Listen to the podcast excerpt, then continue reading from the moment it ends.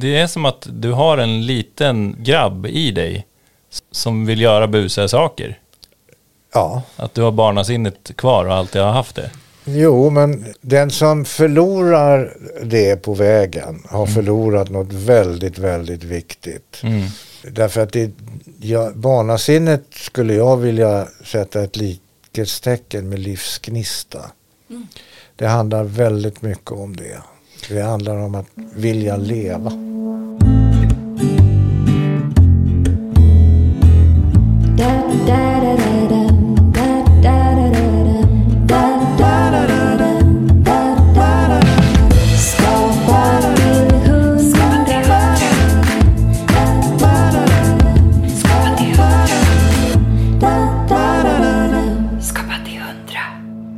Idag träffar vi tv och radioprofilen Gert Fylking. Vi pratar om hur man blir ihågkommen på ett både bra och dåligt sätt.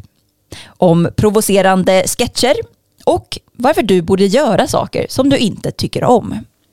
Du lyssnar på Skapa till 100, podden om det kreativa livet. Jag heter Joel Nyberg. Och jag heter Maja Sönnerbo. Vad säger man innan en så här utmaning? Let's get ready to rumble! Rumble!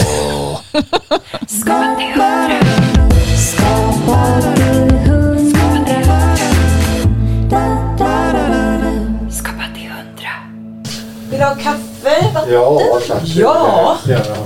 Starkt kaffe. Dubbel kopp. Ja, vi har ju förberett lite frågor och så, Ja, men, så det är ett stort papper, kanske till och med två papper. men vi är ju inga journalister så vi kommer vara ganska snälla. Nej, men eh, journalister, de, de har i regel bestämt sig för vilket svar de vill ha. Ja, De lyssnar inte på frågan egentligen. De vill bara leverera sin, sin synpunkt. Ja. De lyssnar inte på svaret. Nej, det beror kanske på vilken typ av journalist det är. Men om det är så här snabb journalistik som ska vara ut samma dag så tänker jag att då har journalisterna lite mer ont om tid. Då vill man bara ha sin vinkel bekräftad. Jo, men så är det ju. Jag tänker att det finns andra, vi är ju mer en, en undersökande, undersökande journalister. Ja. På jakt efter kreativitetens väsen. Eller vad man ska ja vi ska ju få dig att inspirera folket vara, No pressure. att vara som du är. Ja. Det kan ju gå både bra och dåligt. Ja, jag tror vi får se om det blir några rubriker. Du Ja, men det är ju bara att säga kontroversiella, kontroversiella saker. Ja. Tycker du det är kul? Nej, inte, inte nödvändigtvis att det är kul. Men det är ju väldigt få människor i det här klimatet som vi har idag som vågar ha en synpunkt annat än den som grannen har. Och det gör ju att samhällsklimatet blir ju väldigt tråkigt och likriktat. Gert Fylking är en verklig kultperson inom svensk media, film och teater. Han var en av pionjärerna inom radio och tv när reklamkanalerna gjorde sitt intåg under 80 och 90-talet. Många känner honom säkert som Fylking Sverige efter hans många år som radiohost på Riks Morgonzoo. Och han har också gjort sig känd som en kreativ provokatör. I tv-sketcher störde han folk på stan iklädd sin rosa träningsoverall. Och han blev till och med portad från Svenska Akademins utdelning av Nobelpriset eftersom han år efter år ropade “Äntligen!” oavsett vem som vann. Varmt välkommen till Skapa till 100, Gert Fylking. Äntligen är du här. Välkommen! Tackar, Äntligen! tack, tack, tack så mycket. Hur klyschigt är det att fråga, säga äntligen är du här? Nej, det tycker jag inte är klyschigt alls. Nej. För det, det är ju ett ord som eh, för många betyder faktiskt att det är ju väldigt roligt, äntligen. Det är faktiskt Alltså att det var fan jättekul att med du är på här. tiden. Ja. Eller vad man nu vill säga. Att äntligen i sammanhanget Svenska Akademin eh, fick en sån klang. Eh, och det blev ju ironiskt eh, därför att när akademin tillkännagav eh, Nobelpriset i litteratur så var det ju väldigt få understundom som visste vem den här författaren var som fick det här priset. Och då blev ju äntligen väldigt roligt.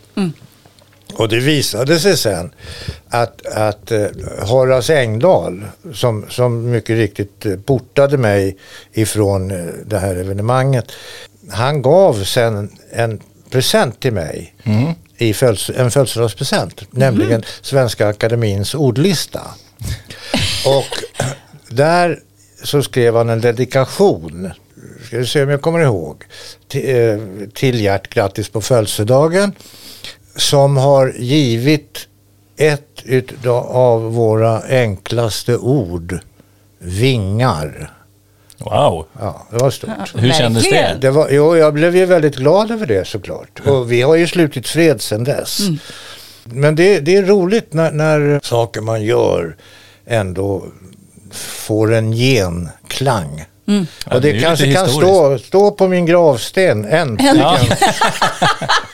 Kommer du göra det på riktigt? Ja. det, det får väl de som bestämmer. Precis. Ja, men hur föddes den där idén? Vet du det? Eller kommer du ihåg det? Hur började det? Äntligen. Ja. Du, egentligen, om man nu vill vara historiskt påläst, så var det Selma Lagerlöf. 1905 blev ju hon som första kvinna invald i Svenska Mm. Akademin och fick eh, också Nobelpriset. Då sa hon äntligen. Ja. Hon, hon var först. Var det det som inspirerade dig? Nej, verkligen inte. Det visste du inte då? nej, det visste jag inte då. Utan jag blev ivägsänd för att övervaka denna tilldragelse på Svenska Akademin där. Och det var, I du blev ivägsänd av radion? Nej, nej, första tillfället så blev jag ivägsänd utav TV3, det vill säga Strix Television där jag jobbade tillsammans med Robert Aschberg. Mm. Och där och sa de bara, du Gert, du ska bara säga en sak äntligen. Sen så började jag på radion, då förde jag med mig den traditionen dit. Och det var då det blev ett sånt jävla hallå kring, kring det här. Du kom undan de första åren. Då var det en liten kul detalj. Det var en pikant detalj. Ja. Men, men eh, det, det, är, det är som med allting. Alltså ett ord, eh, någonting man gör, någonting man uppfinner, man, någon, någon tanke man lanserar. Gör man det vid rätt tillfälle, i rätt sammanhang, ja då får det vingar. Då, då kan det flyga va. Skapa till hundra. Vi brukar checka in våra gäster där du får berätta hur kreativ du är just nu på en skala 0 till 100. Ja, just nu känner jag mig väldigt kreativ. Just i detta nu, i denna sekund här Vad hos er. härligt. hos er. Eh, därför att det, det är utmanande att sitta här och bli utfrågad och få berätta. Eh, och, och, och känn, jag känner mig ju rätt fri i mitt berättande så tillvida att eh, jag inte behöver lägga någonting till rätta förmodar jag. Eller hoppas jag. Eller kommer jag inte att göra i alla fall. Nej, gör inte det. Gör inte det. Däremot kanske du får debattera emot, att vi debatterar emot någonting. Ja, det får ni hemskt gärna göra. Det får ni hemskt gärna göra. Nej, men jag ska säga, och sen nu, just nu, detta nu, Mm. eh, för, för övrigt, så förbereder jag en, en, eh, en roll i musikalen Chess Just det. nere i Helsingborg. Så jag håller på med, ja, plugga manus, ska ner nu nästa, om en vecka, åka ner till Helsingborg och så ska vi repa en månad, sen är det premiär. Eh, s- 30 juni och sen har vi nio stycken föreställningar i Helsingborg. Gud vad kul. Berätta om din, om din roll. Jag är domaren, Jean-Jacques van Boren. Det, det, det är ju en väldigt bra historia den där. Chess. Och bra musik. Skriven av några som kan. Ja, Björn och Ben ibland. Jean-Jacques von Boren, han är lite som jag uppfattar honom, en rättvis men samtidigt lite kulturell, kanske snobb. Han är vald till högste domare som det heter och hans vilja är lag. Och sen pratar han franska rätt som det är och han, han är lite eh, bättre än andra. Och du sjunger då en del också? Ja, det är, det är ju en musikal som det Ja, exakt. Jag hoppas det. Precis, men har du gjort det tidigare liksom i din... Nej, det, här, det är första gången jag har en sån här omfattande roll. Jag har varit med i musikaler tidigare. Mm. Har jag varit. I, i, men jag har inte haft, som, det här är ju solosång va? Det är Mm. Ja, kul, det är jättebra. häftigt. Det är en utmaning. Jävlar Ja. anåda. Ja. Det är det, du, det är det du pysslar med nu för tiden? Övar upp rösten? Och, Ja, Det känns ju som att du är uppåt 100 på en kreativitetsskala. ja, Ja. det kan man Du kan säga. inte bli mer kreativ just nu. Nej, inte just nu, inte just nu. Känns det kul då? Är du taggad på premiär? Ja, det det är... Eller är du nervös? Nej, nej, inte så. Men du vet, har man en gång varit i manegen va? Mm. Och fått sågspån i sandalerna, då vill man in igen. Det är ett bra citat. Skapa till hundra. Ja, jag, jag, jag kan ta en till faktiskt. Eh, s- som kommer från en annan föreställning en gång i tiden som vi hade. Vi var en, en grupp, vi var ungefär 50 personer ungefär. Som kom ifrån, vi var skådespelare, musiker, sångare, skådartister. Ett stort gäng som åkte till Kivik. Och så gjorde vi en föreställning där. Och, och jag hade på min lott fått att jag skulle vara utbrytarkung. Mhm. Och jag sa, men utbrytarkung, jag kan ju för fan inte ens böja mig. Jag kan inte vara utbrytarkung. Ja, du är utbrytarkung i den här föreställningen, bara så att du vet. Och för övrigt, det står i tidningen här. Och då hade de gjort reklam. Så det var ju kört redan från början. Då, då gjorde jag, då, då, naturligtvis skulle jag då ha en kedja eh, och sno in mig i. Eh, och så, men jag hade också med mig en tallrik, en vanlig porslinstallrik. Jag hade med mig en trumpet. Jag hade med mig en hög hatt. Jag gick in på scenen, bar överkropp och så säger jag så här. Livet, det är som flugans promenad över fönsterrutan. Men där ute, över den blå sommarhimlen, svingar sig konsten som en svala. Livet är kort, konsten är lång. Sen tog jag den där tallriken, slog den mot pannan så den gick i tusen bitar. Givetvis så skar jag mig på glasyren. Och så är man svettig då, då blöder det ju väldigt mycket. Va? Så det blir ju väldigt dramatiskt det hela. Sen snodde jag in mig i den här eh, kedjan. Låste, svalde nyckeln som det heter. Ställde mig på huvudet och spelade trumpet. Och det var, det var ledmotivet till La Strada. Da, da, da, da, da, da, da, da, da, da. Ja, jag kunde inte stå på huvudet så jag ramlade ju omkull. Och så släpade jag mig ut från scenen. Eh, och så eh, liksom min tanke var ju att visst man, man kan fjättra en konstnär men konsten är befriad. Mm. Det låter som en, ett, ett liksom aggressivt manus som man ska göra det flera gånger. Var det Ja, det, nej, men det var så. Vi gjorde en föreställning i, i, en föreställning i timmen.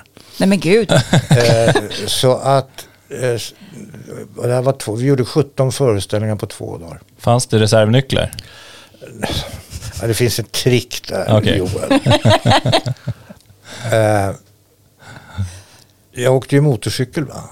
Jag var så jävla svullen, jag fick inte på mig hjälmen. Jag var så svullen i pannan. Har du fick, kvar ärret? jag fick vänta i tre, är rätt? Ärren? Äh, det, nej, men, när man krossar en tallrik mot pannan så skär man sig av glasyren. Det är inga stora jack som blir. Ja, men det finns mycket blod där. Ja, och så blandat med svett. Det blir Ja. väldigt dramatiskt. Men det, det, Var det, var det du som kom på det Ja, eller var det regissören som Nej, det var, det, var, det var faktiskt en egen produkt. Det var det? Det kom jag på under resans gång. Nej men för att de flesta är liksom gemene person på gatan känner väl till dig som liksom radio och tv-profil. Men, men du började ju din karriär i teaterns värld. Ja, det gjorde jag i teaterns underbara värld.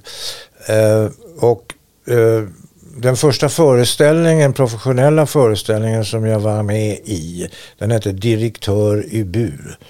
Och Just det, det var på Pistolteatern och vi hade premiär 17 mars 1969. Och vad, vad, hur hamnade du i teatern liksom? Vad var det som lockade dig? Teatern, ja, Thalia är en grym härskarinna.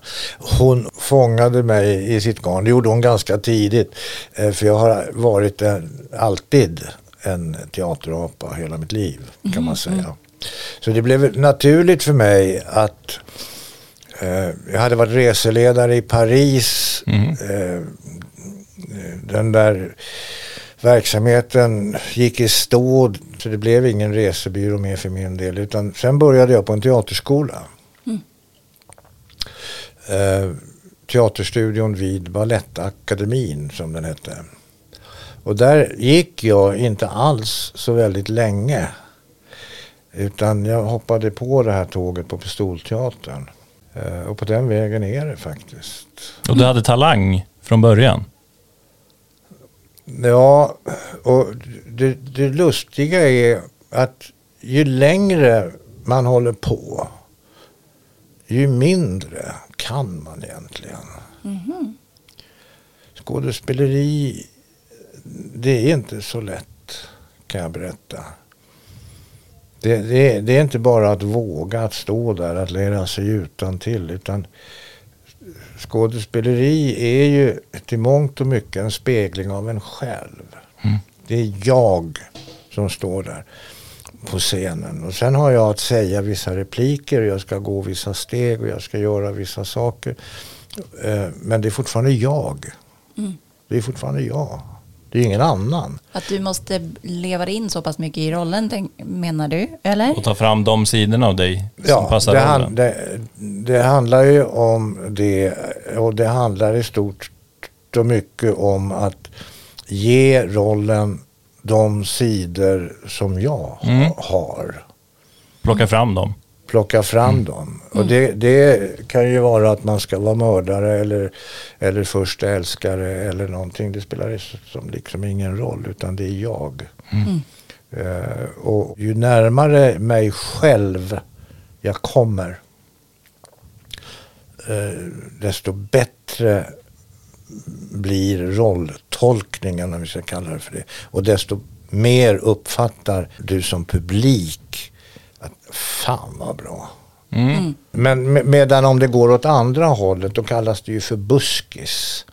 Just det. Och, och, och det, där tror vi ju inte på figurerna utan vi garvar åt repliker och, och att de har tanten har stora rosa underbyxor och farbröderna är fulla och dricker brännvin.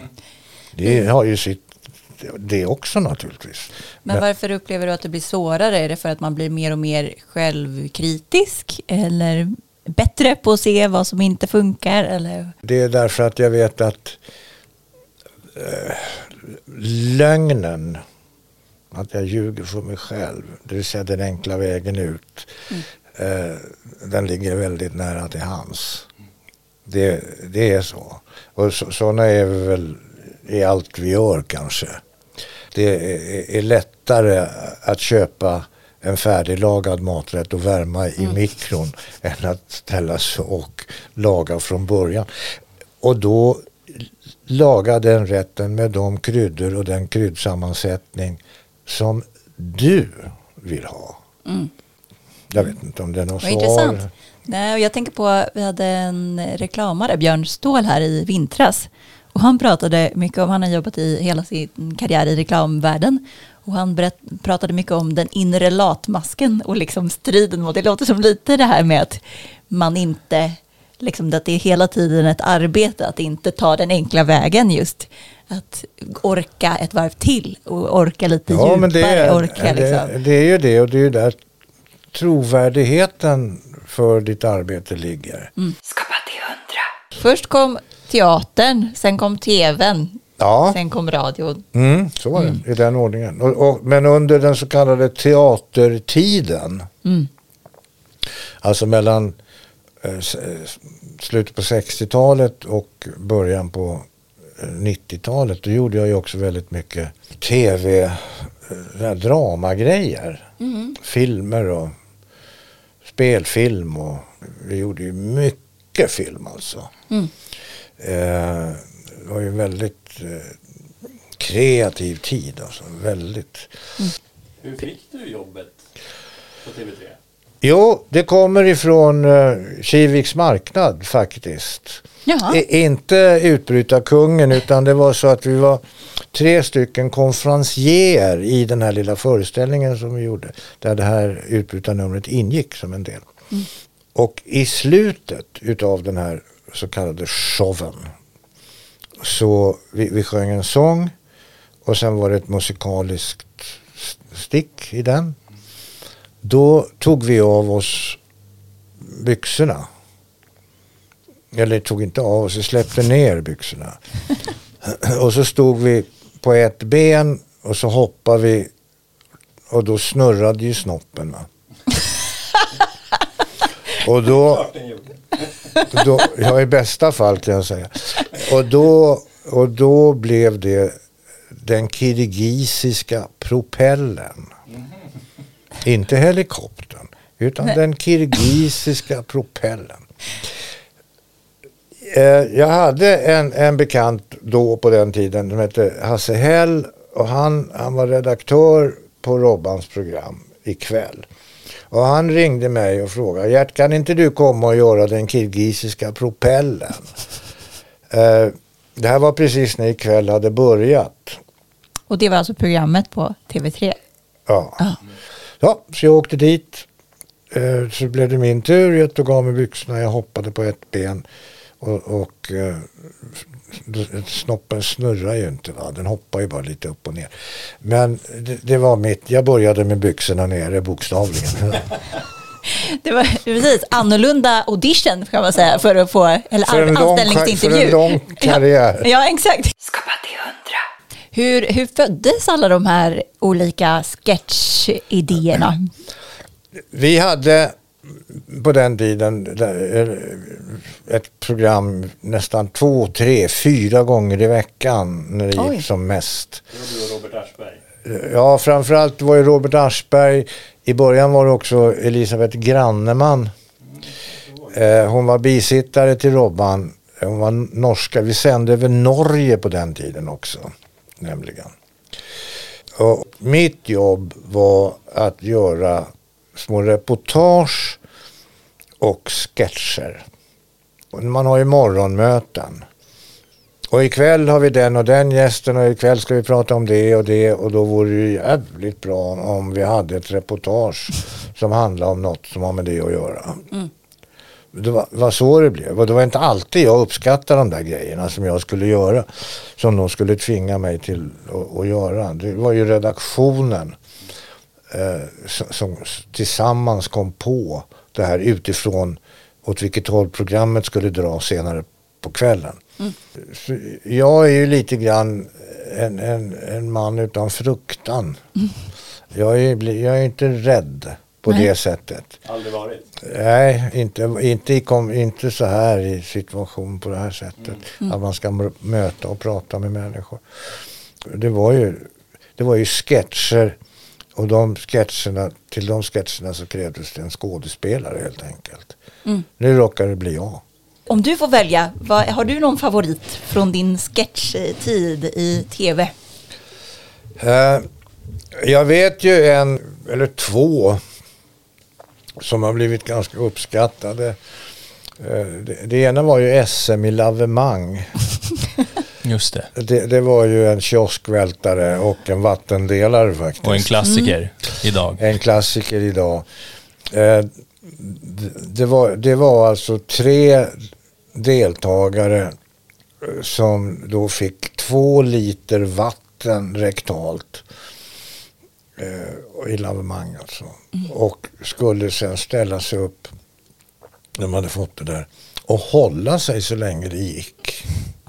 Det är ju fullständigt omöjligt. Eh, Alla som har tänker fått lavemang av någon anledning eller orsak eller skäl vet ju att det är inte roligt va. Nej. Men det blev onekligen väldigt, en väldigt speciell tävling. Det var den ena grejen.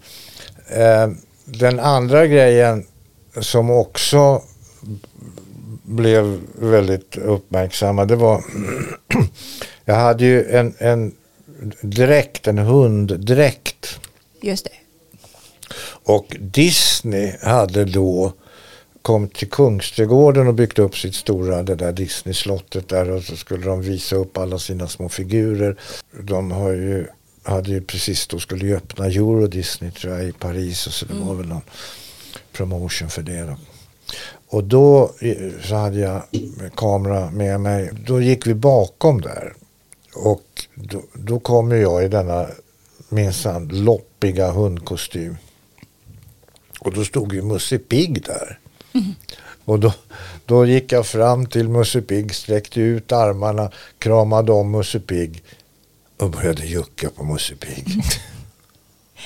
Ja, du gick runt och juckade på alla möjliga personer där. så- Ja, och sen kom ju säkerhetsvakten fram och liksom, hallå. Du, och jag vill inte, jag bråkar aldrig, jag, jag bara gick där.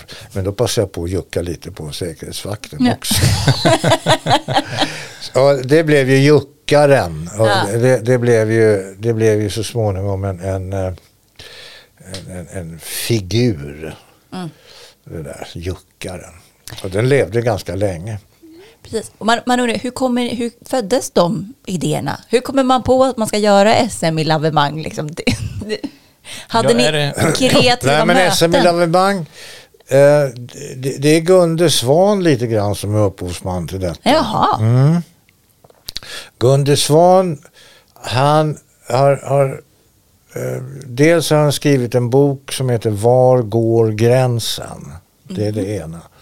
Det andra är att han vid målgång vid, eh, när han gått, kört en fem mil så hade han skitit på sig. Så han stannade aldrig vid målgång. Utan han gick i mål och fortsatte bara till Ja. omklädningsrum. Och det där var ju ganska uppenbart eftersom han dessutom den svenska eh, tävlingsdressen var ju vit. Va? Ja. Det var ju så.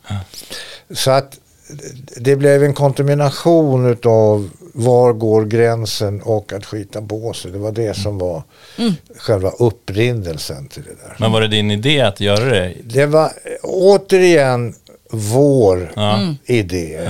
Eh, sen så tog det, ja det tog nästan ett år att få ihop det där alltså. Det, det är svårt att få deltagare till sådana där tävlingar. Men när du pratar om sådana här grejer så det, det är som att du har en liten eh, grabb i dig som, som vill göra busiga saker. Ja, Att du har barnasinnet kvar och alltid har haft det. jo men den som förlorar det på vägen har förlorat något väldigt, väldigt viktigt. Mm. Eh, därför att det, ja, barnasinnet skulle jag vilja sätta ett likhetstecken med livsgnista. Det handlar väldigt mycket om det. Det handlar om att vilja leva. skapa till hundra. Vad är kreativitet för dig? Det är att utifrån en idé eller utifrån en sak, utifrån en eh, vad som helst egentligen. Utifrån, eh, ni har bakom där så står det två lejonstatyer. Mm. Eh, och de, de står ju bara där. Men är jag tillräckligt kreativ så kan jag ju göra någonting med dem där eller av dem där. Annat än att de bara står där och ser lite bistra och buttra ut. Jag kan ju, jag kan ju spela upp de kan ju börja prata med varandra. De kan ju göra saker med varandra. De, de kan ju hitta på någonting. Det är ju det som är kreativiteten. Att nu sitter jag med en tom burk så här. Ja, då kan jag ju göra något med den här tomma burken. Att ställa ner den på bordet bara, det är ju inte speciellt kreativt. Men det är kreativt. Det är kreativt. Men jag kan ju böja och bocka och, och, och göra den till någonting och använda det till någonting. Då, då måste jag ju använda min kreativitet. Det, det, det skapar glädje. Helt enkelt. Om man bara låter dem stå sådär, till slut så kommer man inte att se dem. Nej. Men man kan vända dem. Och man kan ta bort en. Och man kan Sätta en sä- keps, en kan få sitta i hörnet och skämmas. Man kan sätta en dumstrup på den. Vet du vad, vad de har för syfte? Vad de har för syfte. Ja, vi, jag och Max driver ju Lejonbröder. Ja, vi heter. Lejonbröder Ja, för att vi, vi är lejon. Så att det, det, är ju, det är ju liksom det det Exakt, symboliserar. men ni, ni måste ju börja leva lite här Ja, i studion. Jo, men då, Leka med dem. det, då, ja, istället för att leka med sig själv, Joel, så Ja. kan man leka med lejon. Exakt. Hej! Joel här. Förutom att vara poddkompis i den här podden så driver jag även ljudbyrån Lejonbröder. Vi hjälper dig gärna med att producera ljudreklam till radio och podd.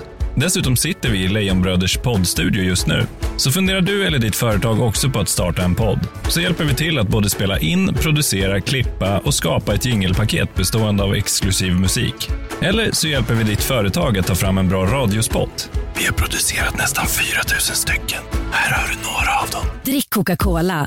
Panta. Drick fan. Arla livsänder kosläpp. Är du på byggmax.se. 100 kronor till Röda Korsets förra. SF Anytime är tjänsten för dig då ska du handla hos Tradera. Spotify, musik och poddar på samma ställe.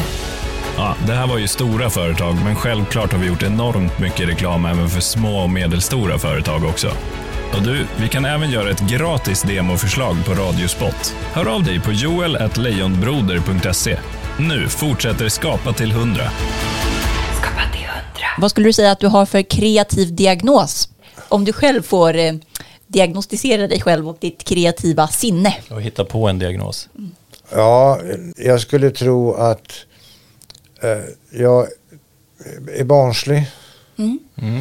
Eh, jag är, vi- vill gärna synas, vara med i sammanhang. Jag tycker om att vara omtyckt. Jag gillar att, att eh, människor tycker om mig. Men även att folk blir arga på dig. Ja, Eller- jag tycker eller- det som är så intressant med dig Gert, för det är liksom som att det finns de här båda sidorna.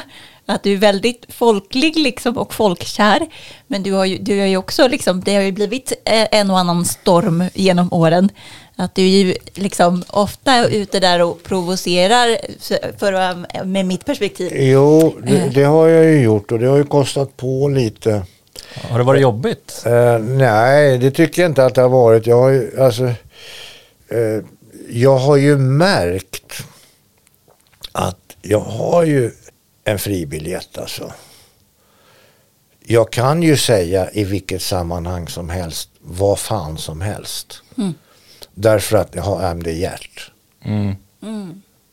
Jag kommer undan med det. Jag, ko- jag, jag kommer undan med att, att säga kuk och fitta och knulla och sånt där. Jag kommer undan med det.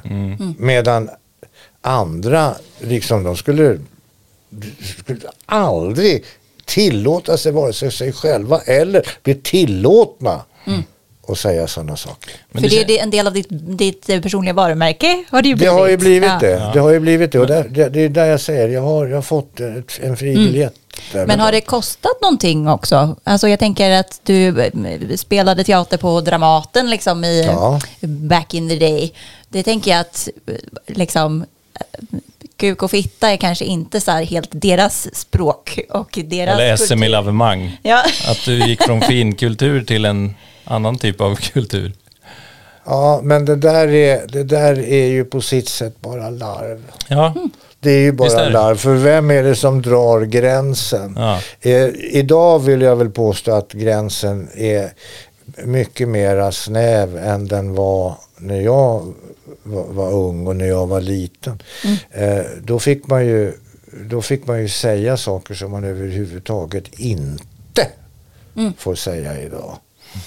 Eh, man får alltså inte man får inte ens säga sanningar idag. Därför att det uppfattas som att man är rasist eller man är antifeminist eller vad fan det är. Jag säger så här när det gäller damfotboll till exempel. Tycker jag. Ja men det är ju som V75 med kor. där kom den. Där kom den. Du har förvarnat mig Joel. Och, och det, Ja, det är ju ganska provocerande. det tycker folk är väldigt, men det är ju så. Fast, ja, fast, det, fast det återigen tillbaka till det. Det är ju på, på sättet du uttrycker det som, som gör att det, det inte känns superhärligt. Eh, liksom.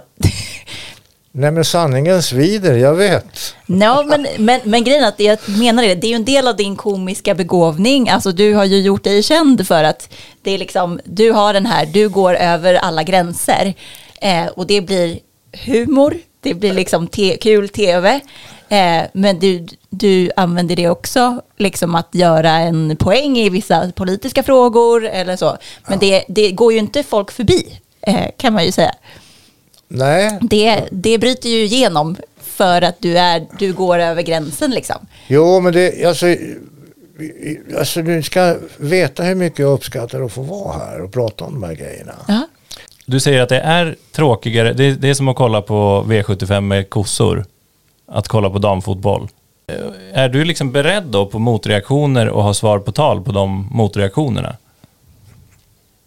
Ja, För om någon då, om jag då tar rollen som att jag emot, eller ifrågasätter det där ja. och säger att men det är ju som att jämföra eh, Carolina Klüft åka skidor och en, säg någon annan. Carolina Klüft åker väl knappast skidor va? Nej, nu har du fått. Hon bara gjorde Ja, men jag menar Charlotte Kalla. Ja, Och, man, i, eh, en manlig- sammanhangen, I de här sammanhangen måste man vara påläst också Joel. Ja, exakt. Jag freestylar lite nu, men eh, Ja. och jämföra hennes tider med en motsvarande manlig skidåkare. Nej, Eller fast det, är liksom- inte det, som nej, är, det är inte det som är provokationen. För det är Nej, så här, vad känner du är nej, men, grejen, om man- okej, en man hoppar lite högre än en kvinna för han har andra Mm. eh, för, fysiska förutsättningar. Samma sak med fotboll kan jag tänka mig. Eh, jag kan inget om sport. Men det är ju, en, eh, det är en, eh, det är ju otroligt kränkande gentemot kvinnliga eh, fotbollsspelare. Eller Att- kossor. Nej, det är det inte kränkande mot kossor faktiskt. Det, däremot är det en kul po- komisk poäng, men det är fortfarande kränkande. Men jag tror att det, är det, här, är din, det här är din smitväg, att du är också rolig. Ja, det, tack. Eh, jo, och vad som är roligt, vad jag tycker är roligt med humor, det är ju att det blir vattendelar. Alltså, du får ett gäng som skrattar och sen ett gäng som, "Nej, vad fan, håll käft. Det, det är inte alls. Det, det, nej, det, det är då det funkar tycker jag. Det är då det Det funkar. är din eh, typ av humor helt enkelt. Ja, kan väl vara. Kan vara. Skapa till hundra. Det ska vara så jävla glatt och trevligt hela tiden. Jag fattar inte det. Men var inte typ Riksmorgonzoo det? Glatt och trevligt. Jo, det, visst, visst var det det. Men, men eh, jag hade ju också möjligheten och tog mig möjligheten att inte bara eh, skämta bort allting. Utan jag s- s- sa ju lite vad jag tyckte. Och vad jag trodde på och vad jag tror på. Och det var ju inte alltid lika roligt som, som allting annat. Utan det kunde ju vara så att det blev, ska vi säga, tvärstopp i studion ett tag och bråk till och med. Eh, därför att vi hade lite olika synpunkter och åsikter på det här ämnet då som vi diskuterade. Och det där tyckte jag om. Och det tror jag upp, uppskattades också utav de som lyssnade därför att vi var ju tre personer och, och varför ska vi alla tre berätta samma sak och flabba åt samma grej? Varför det? Det är ju inte så. Nej. Men hur genomtänkt var det där från programavdelningen och från er att ni, för ni hade så bra roller, att de, Roger och Titti fick lugna ner dig lite? Alltså det var ju inte, nej det var inte riktigt så utan det, det blev ju så därför att vi var ju tre stycken ganska utmejslade karaktärer i oss själva.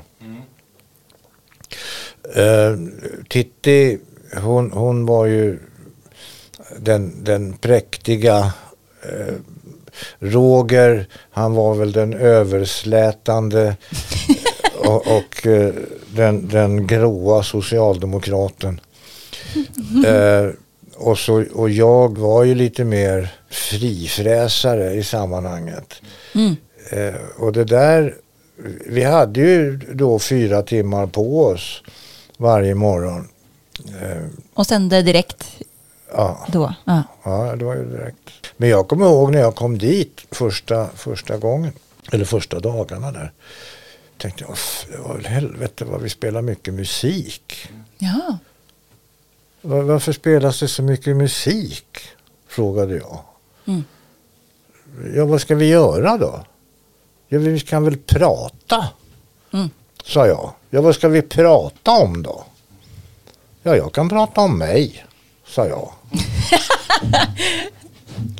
Ja, ja, och då blev det så. Och då var ju de tvungna att prata om sig. Och sen så kommer jag ihåg, åh det var ett sånt stort jävla rabalder. Magnus Uggla skulle komma och livespela. Åh, det var så stort och det var så jävla märkvärdigt. Men hallå, vi ska väl en gäst och det var väl en vi hade var 14 dag. Vad är det för larv? Vi ska väl ha en gäst varje dag? Mm. Alltså hallå, Ja. vi är ett underhållningsprogram här. Kom det här från dina erfarenheter från tv? Ja, ja, och, jag men, ja, överhuvudtaget hur jag uppfattade hur saker och ting skulle gå till. Och Ja, det, men- blev ju mycket, det blev ju mycket så. Jag vill inte säga att jag eh, var allområdande i det där, verkligen inte. Jag, vi hade ju också eh, eh, vår chef där, Christer Modig. Det lilla äcklet kallad, Oj, faktiskt. okej. Du kallade honom det live i radio. Ja, jag kallade Ni honom det. Jag, jag, jag kallade honom det live. Eh, och och eh, han uppskattade det faktiskt. Det var- Han kallade sig själv det också. Eh, så, sen när han var ute med oss på festivaler och sånt kom han in på scenen. Ja hej det är jag som är det lilla äcklet. Till allmänt jubel. Klang och jubel. Men det där tyckte jag var bra det där med det lilla äcklet. Därför det var någonting som alla kunde relatera till. Eh, alltså därför att det är, ju, det är ju chefens roll att vara det lilla äcklet. Draget till sin spets. Nej men det är ju ingen, alltså den där jävla chefen, nu kommer han igen och nu säger chefen vad fan håller han på med och så vidare och så Alla vidare. kunde relatera. Alla kan relatera till det där. Sen, sen kan väl det i och för sig vara en, en trevlig person på sitt sätt. Men i, i sin yrkesroll så är han eller hon det lilla äcklet. Rätt upp och jävla ner bara. Ja, men jag tänker så här, det här är ju din, det är ju väldigt kreativt att komma på de här grejerna, men det känns ju också som att det är, det är ju den inneboende liksom, provokatören som är, som är framme hela tiden. Det är inte, de flesta skulle säga att så här, ja, det kan ju vara lite jobbigt med chefen ibland, och du drar det liksom till en spets som att det är liksom, man bara, vad säger han? Jo, men det där är intressant. Du använder ordet provokatör. Du Ja. använde också ordet provokatör tidigare. Provokatör är ju den som säger någonting i och för sig vad som helst. Som inte är den allmännas mening. För är det allmänhetens eller den allmännas mening då är det ju inte provokativt. Nej, nej men exakt. Då är det ju bara sant. Ja, eller falskt. Men, men provokativt är det ju bara därför att det går emot eh, den gängse ordningen. Eller det går emot det vi idag kallar för PK. Eh, eller det går emot gängse uppfattning om religion eller om, om eh, lag och ordning eller vad det nu må vara. Då man provocerar. Men provokationen i sig kan ju oftast vara ganska hälsosam. För det gör ju att den som uppfattar det som en, prov en provokation, hans eller hennes eh, ståndpunkt eller e egen eh, uppfattning ifrågasätts ju. Och då måste ju den personen tänka, "Va f- ha? är det verkligen så jävla illa? Eller det kunde man väl ge sig fan på eller, eller vad som helst. Men det ger att du måste tänka efter lite. Och det är bra med en provokation tycker jag. Ja men precis, är det, är det, använder du det medvetet liksom för att, för att skapa vissa effekter? Nej, det gör jag inte. Nej. Du, du Det bara föd- kommer. Det bara kommer. Skapa till hundra. Ska vi ta en frågetombola? Hur packar du upp äggen i äggkartongen? Jag viker upp locket. Eh, sen så tar jag bort locket. Jaha. Eh, river av det. Alltså det, det är en sån, skarv är ju så klen där så man kan ju bara med pekfingret sära på lock och kartong. Jag köper alltid 12 pack. Plockar du upp dem i någon speciell ordning? Nej, det Nej. gör jag. Nej, ja, alltså, de står ju i kylskåpet på, på en lång rad. Så att eh, jag tar ju oftast utifrån och in. Mm. Men att du tar bort locket, det är för att det är mest i vägen? Eller Ja, men annars skäl? måste jag hålla på och vika upp locket Just hela tiden. Vad smart, det där Ja, ska jag Det har börja jag med. aldrig tänkt på faktiskt. Ja. Mm, då har du lärt oss något nytt. Du, jag följer dig på, sedan flera år på Instagram. Eh, Ja. Jag har ju sett att under pandemin så var du ute på Kobben i Ja. skärgården. Mm. Hur eh, kreativ behövde du vara där för att få tiden att gå? Ja, inte alls egentligen. Då menar du ju att man var tvungen att göra sig till med olika saker för att få tiden att gå. Men det, det där landstället Kobben, det, det är ju... Ett, det finns ingen el. Ja, det är inte ens det alltså. Två, eh, vatten Wow. i pumpen. Eh, Och, och, och, och, tre, så tog, hade, har ett gasolkök egentligen men gasolen tog slut så att det blev spritkök. Då har man ju hela tiden något att göra med det. Eh, och, värme och, och, sådana där saker. Att överleva. Ja, eller att leva som en normal människa. Det vill säga äta frukost, middag, lunch och, och dricka kaffe eller en kopp te på kvällen. Sen älskar jag att hålla på och göra grejer och mecka och dona. Saker går sönder, eh, man måste laga. Är du händig? Ja, det vill jag säga att jag är. Ja. Ja, nej, men du har helt rätt i det. Jag tänker på när jag vi brukar vara ute och paddla, kampa och paddla kano, Ja, kajak. gud vilket, ja. Mm. Va, Gillar du inte det? Eller? Är du miljöpartist också? no comments. Men det jag ville... Det jag ville Du, de där jävla paddlande miljöpartisterna, jag hatar du tänker att alla som paddlar kajak är miljöpartister? Nej, verkligen inte.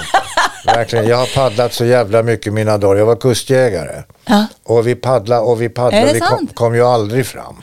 Nej, nej, nej jag, vi gör ju det bara på sommaren för att det är härligt en vecka. Men, det, men då är det ju lite Campar samma... ni också? Ja, men, och det är lite samma typ av liv. Det här med att man har fullt upp med att, att sätta tält, man ska eh, mecka till någon mat på spritköket, man ska... Mm. Ja, men alltså så här, det är ju det man gör. Och det är också väldigt rofyllt. Man har liksom händerna, man har saker för händerna hela tiden, men hjärnan är helt Jo, vilar sen måste liksom. du ju också när du ska campa, och det är ofta utsatta platser. Det där när man är ute i skärgården. Då måste man ju välja platser också. Mm, absolut. Eh, Och, och var går solen upp och var går solen ner. Det är mycket att tänka på också. Vad är det mest romantiska du har hittat på? Oj då. Oj då. Eh, Har du någon romantisk sida? Ja, det har jag i allra högsta grad. Jag är en, en väldigt romantisk person tror jag. Fast länge sedan, jag minns den än. Den var som nyss, vår första kyss. Hur romantiskt? Mm. Va, har du skrivit det? Ja, eller skrivit det. Kom på det nu. Kom på det nu.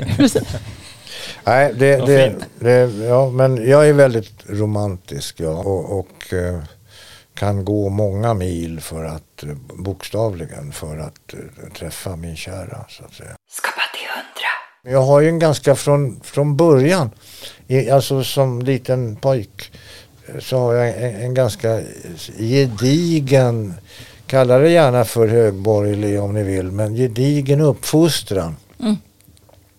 Eh, min pappa var rektor i Solna läroverk. Min mamma var hemmafru. Eh, Det var mycket representation hemma och middagar och skit. Så att jag fick ju tidigt lära mig att hälla upp vin från ena sidan och servera mat från andra sidan och duka av utan att tappa bestick och sånt där. Eh, Man fick ju inte sitta med vid bordet men man fick vara jävligt gullig och titta vad duktig han är och så vidare. Och så.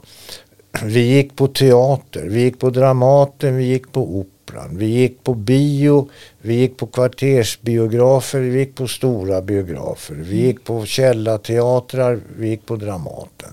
Vi, allt skulle man se, allt skulle man göra.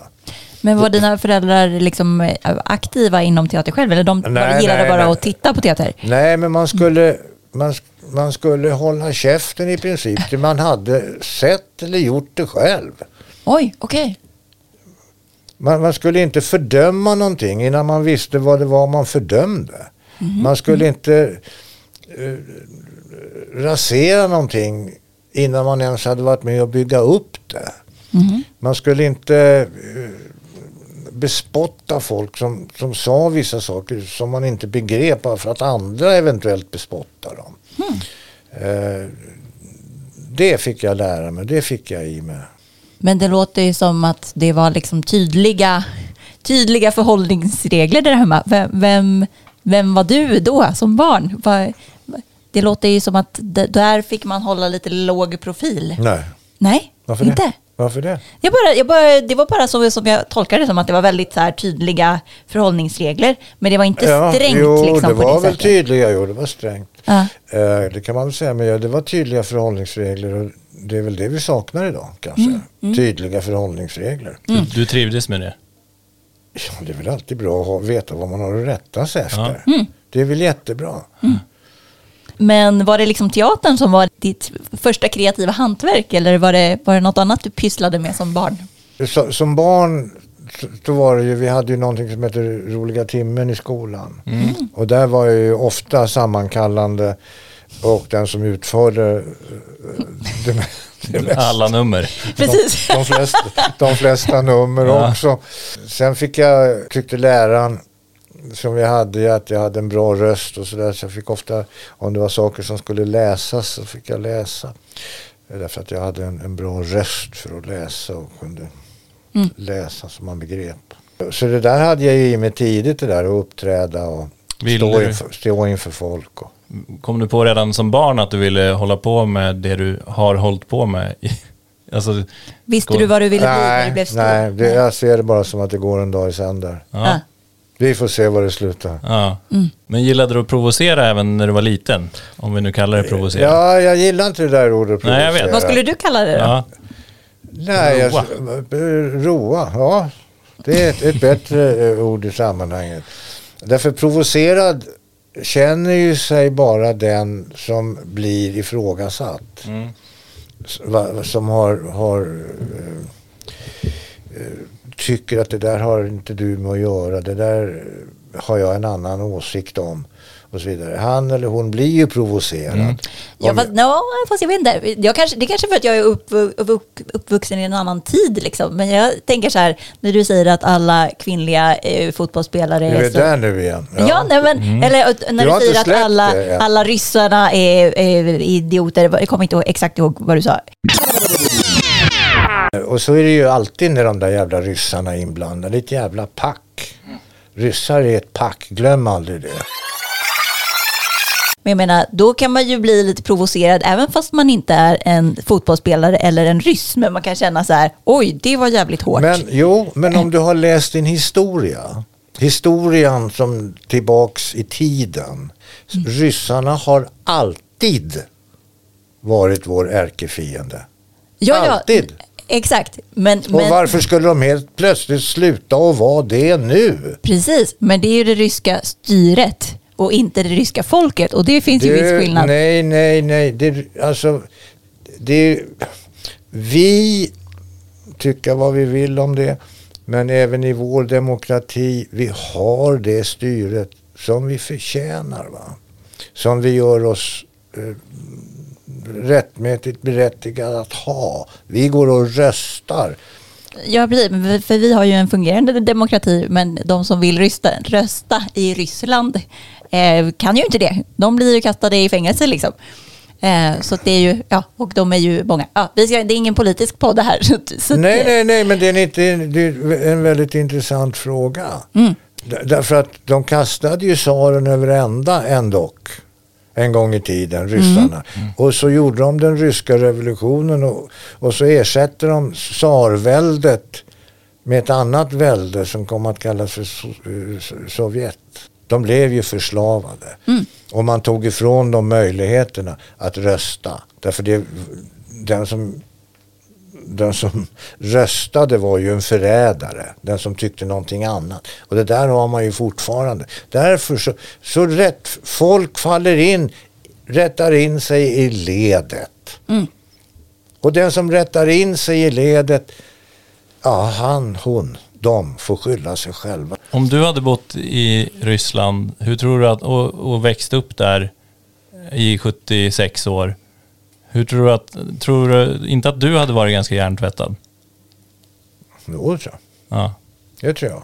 Så du kan Men det ändå- gör ju inte mig till en god människa för det. Eller till en ond människa. Det gör mig bara till en idiot. Mm. Som, som låter mig gå i ett, i ett eh, ledband.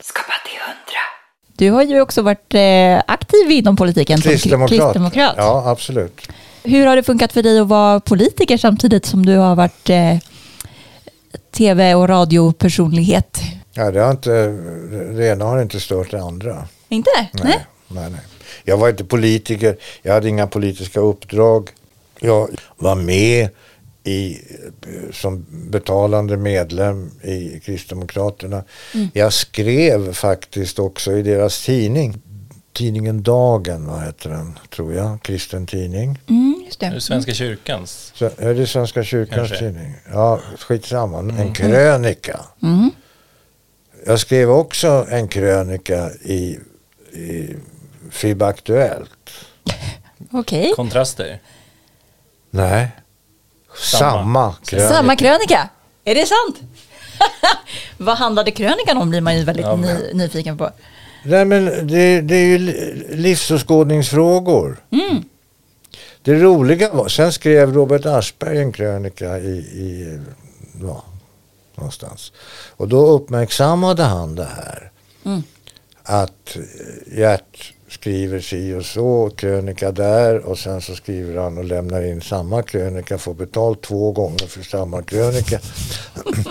och han har tydligen något som appellerar både till de som söker sina rättesnören och de som drar i sina köttesnören.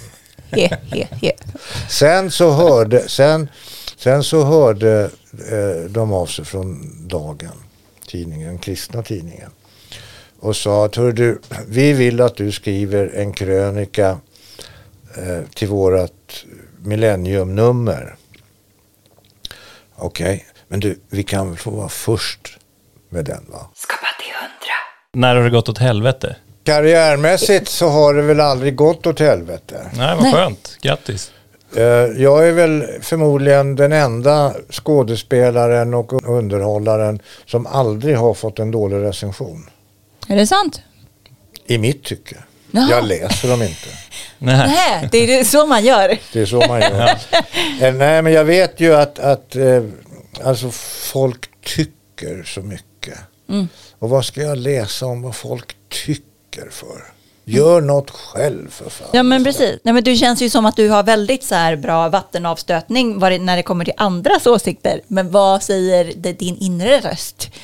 Säger den så här, åh bra, bra jobbat Gert idag också. Härligt, heja heja. Ja, Gör den det? ja. eller, eller är den... Det står på mitt örngott med, med korsstygn. Så står. Nej, men jag tänker så Den här, de flesta får- har ju en, en kritisk, mer eller mindre kritisk inre röst. Nej, för fan. Det handlar Nej. om självförtroende. Ja, men hur får man det då? Alla som har den här inre kritiska rösten? Att det alltid går bra. Ja. Man tänker lätt. att det alltid ska gå bra. Nej, men jag kan ju bara göra mitt bästa. Jag kan ju inte göra något annat. Och jag kan ju inte hoppa och tänka om jag hade varit någon annan. Så jag kan ju inte tänka så. Eh, och det, eh, det kanske finns människor som gör det, men jag gör inte det. Det låter väldigt skönt, måste jag säga. Jag, självklart så kan jag misslyckas med saker. Jag kan misslyckas eh, med att jag har byggt någonting som ramlar ihop eh, och så står folk och skrattar. Ja men det försökte jag, det gick inte. Jag får försöka igen. Då har du ju lärt dig hur du inte ska göra. Ja, typ. Men har du alltid varit så? Var Ja. ja. Ja, precis. Vilken superkraft. Vad är det viktigaste som du har lärt dig efter alla år i karriären? Eller i livet? Det är väl att, att lyssna. Och att eh, erkänna att det finns så jävla mycket kvar att läsa och lära. Har du någon eh, dröm kvar som du skulle vilja förverkliga? Ja, faktiskt. Jag var ju gift tidigare. Och har ju varit, som det heter, singel eh, nu i sex år. Och det är en ganska, jag är ingen, jag är ingen ungkarlstyp va. Alltså, jag har, ju, jag har ju en son som är 15 år och honom har jag varannan vecka. Eh, och det är ju roligt, det tycker jag ju. Då, då, då, ju, då har jag ju en meningsfull tillvaro. Då ska jag ju laga mat och då ska jag ju se till att han kommer till skolan och får äta middag och steka pannkakor och allt vad det är. Det är meningsfullt. Men sitta där en torsdag kväll och steka fiskpinnar till sig själv. Alltså hur värdelöst är inte det? Ja, det går an. Men lunch, det är ju fan ännu värre. Så hitta någon att leva med kanske. Ja, och det där är ett det är en väldigt, väldigt svår nöt att knäcka och den kanske tar livet ut innan, innan den förblir oknäckt. Skapa till hundra. Ska vi köra de sista Sista expert? frågorna kommer här nu. Experttipsen från gästen. Vill du tipsa våra lyssnare om något som inspirerar dig? Ja, det vill jag göra. Ett, läs en bok. Spelar det egentligen inte roll, ingen roll vilken bok det är, utan läs en bok. Därför att om du läser, då är du tvungen att bokstav för bokstav se vad det står. Och sen så fångas du upp utav den där texten på något sätt. Antingen så lär du dig något som du inte kunde tidigare. Eller också så får du en förnimmelse av en känsla som den här texten beskriver. Det är väldigt, väldigt, väldigt viktigt. Läs en bok. Eh, sen en annan sak som jag själv gör, som jag tycker är rolig att göra. Eh, ovanför mig där jag bor så är det en busshållplats. Och jag går ofta dit för att ta bussen. Jag åker kommunalt för det mesta. Eh, och står det någon där vid busshållplatsen då börjar jag prata med den personen. Va? Är det sant? Mm. I Sverige? Ja, och då kan jag fråga, du, eh, vet du när bussen kommer? Ja, säger hon eller han. Den kommer och då så kan man ju se det, det vet jag. Att man kan se, det står nämligen två minuter eller fyra minuter. Ja, den kommer, det står där fyra minuter. Jaha, ja, har du stått och väntat länge? Sen kommer ju bussen till slut. Då har vi pratat klart. Titta, där kommer bussen. Så går man ombord. Sen sätter ju inte vi oss och pratar någon alltså ombord på bussen eller så. Men man pratade lite. Var, varför inspirerar, inspirerar det dig? Därför att det är roligt med kontakt med andra människor. Och det spelar ingen roll om de är unga, om de är gamla, om de kommer ifrån kvarteret eller om de kommer från Bagdad. Det spelar ingen roll. Det är roligt att höra vad de kanske tycker just idag var spännande eller kul. Om bussen kommer eller inte till exempel. Ja, det kan vi verkligen ta till oss. Men om man vill närma sig det, hand, om vi kallar dina skills för ett hantverk, det du har gjort och det du gör. Skådespeleri, tv-personlighet, radio, pratare. Var ska man börja? man ska börja och titta på vad andra gör. Inte för att härma dem. Men att titta på hur gör de det här? Jo, de gör det genom att de har i, mycket är ju nu stand-up va. Det är många som kommer in den vägen.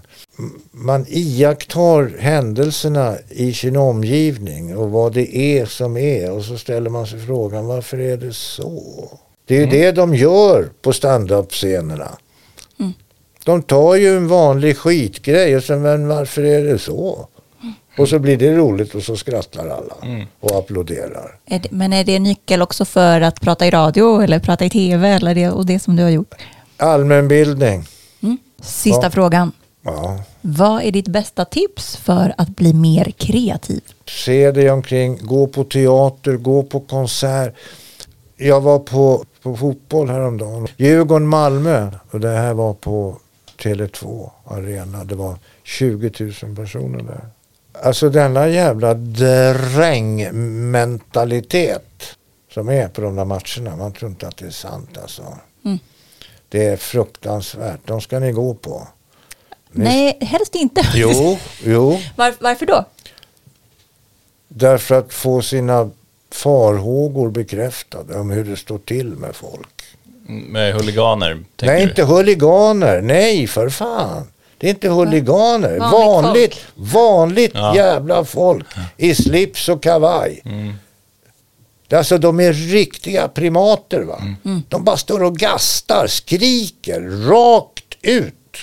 Det är nog, gå till, Men vad är det, menar du att om man går ut och tittar på hur samhället är, om du vill föda din kreativitet och nära den, då måste du tyvärr göra saker som du inte heller är ditt första val kanske på fritiden.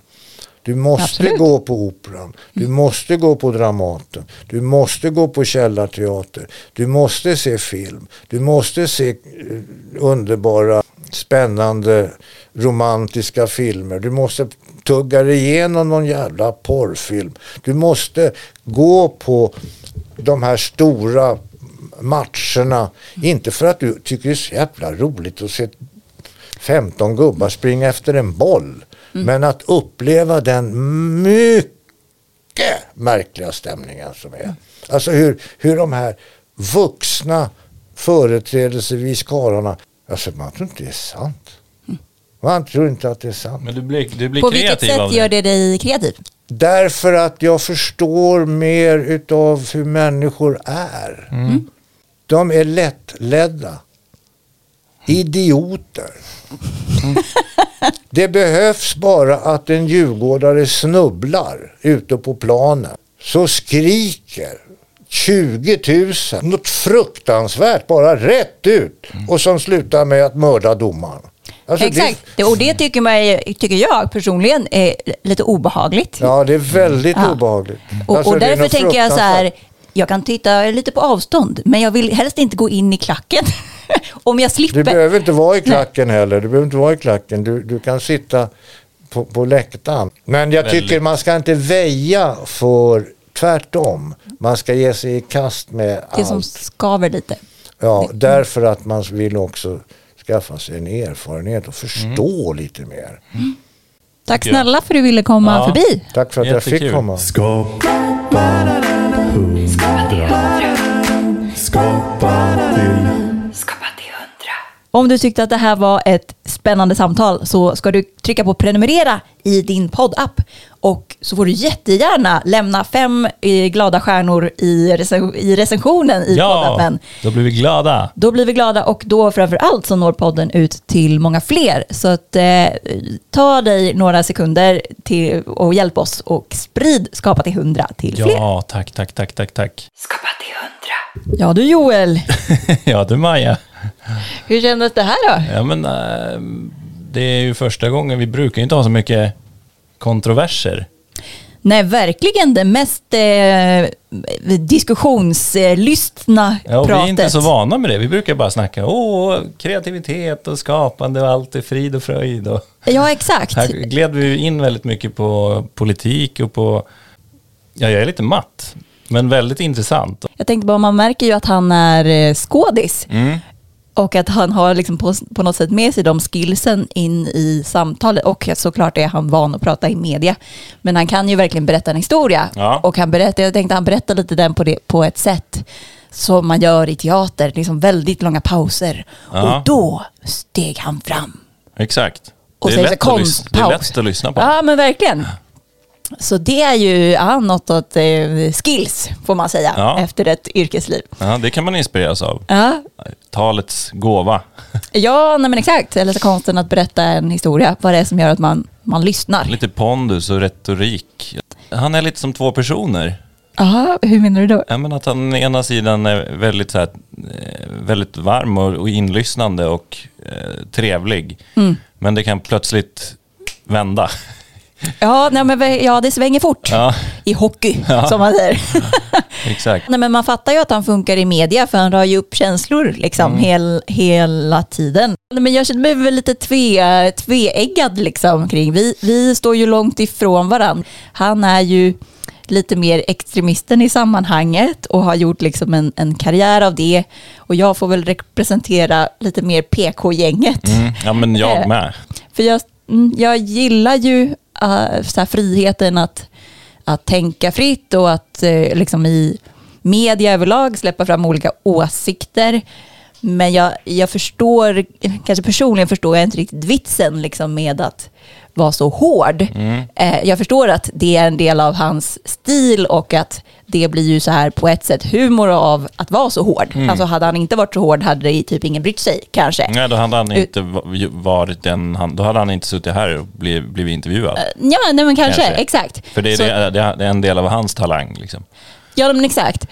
Men, men jag hade nog så förstått det lite mer kanske om det hade varit så här, ja men jag vill åstadkomma den här effekten Mm. eller jag vill driva den här frågan och därför är jag eh, väldigt hård eller drar det till sin spets. Mm. Men det känns som att han bara gör det för att det är kul och liksom på vägen så liksom, liksom bitch-släpar han lite så alla möjliga grupper. Alla fotbollsspelare, alla kvinnor eller alla Mm. eh, ryssar eller alla, liksom, all, alla chefer är dumma i huvudet. Mm. Alltså, och, alltså, jag vet inte, jag kanske känner att det är kanske lite onödigt så här, negativ energi. För mig så ger inte det supermycket till det kreativa. Alltså om man inte har någon riktig avsikt med det.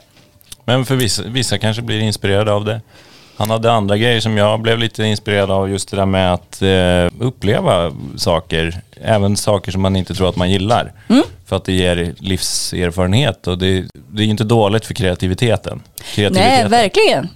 Nej, men så det här blir väl det poddavsnittet som eh, gav mest liksom, lite skav och sådär. Ja, vilket kan behövas. Ja, men och enligt Gert, det var ju hans, liksom, hans sista tips där för att bli, kreativ, bli mer kreativ, är att utsätta sig för lite skav.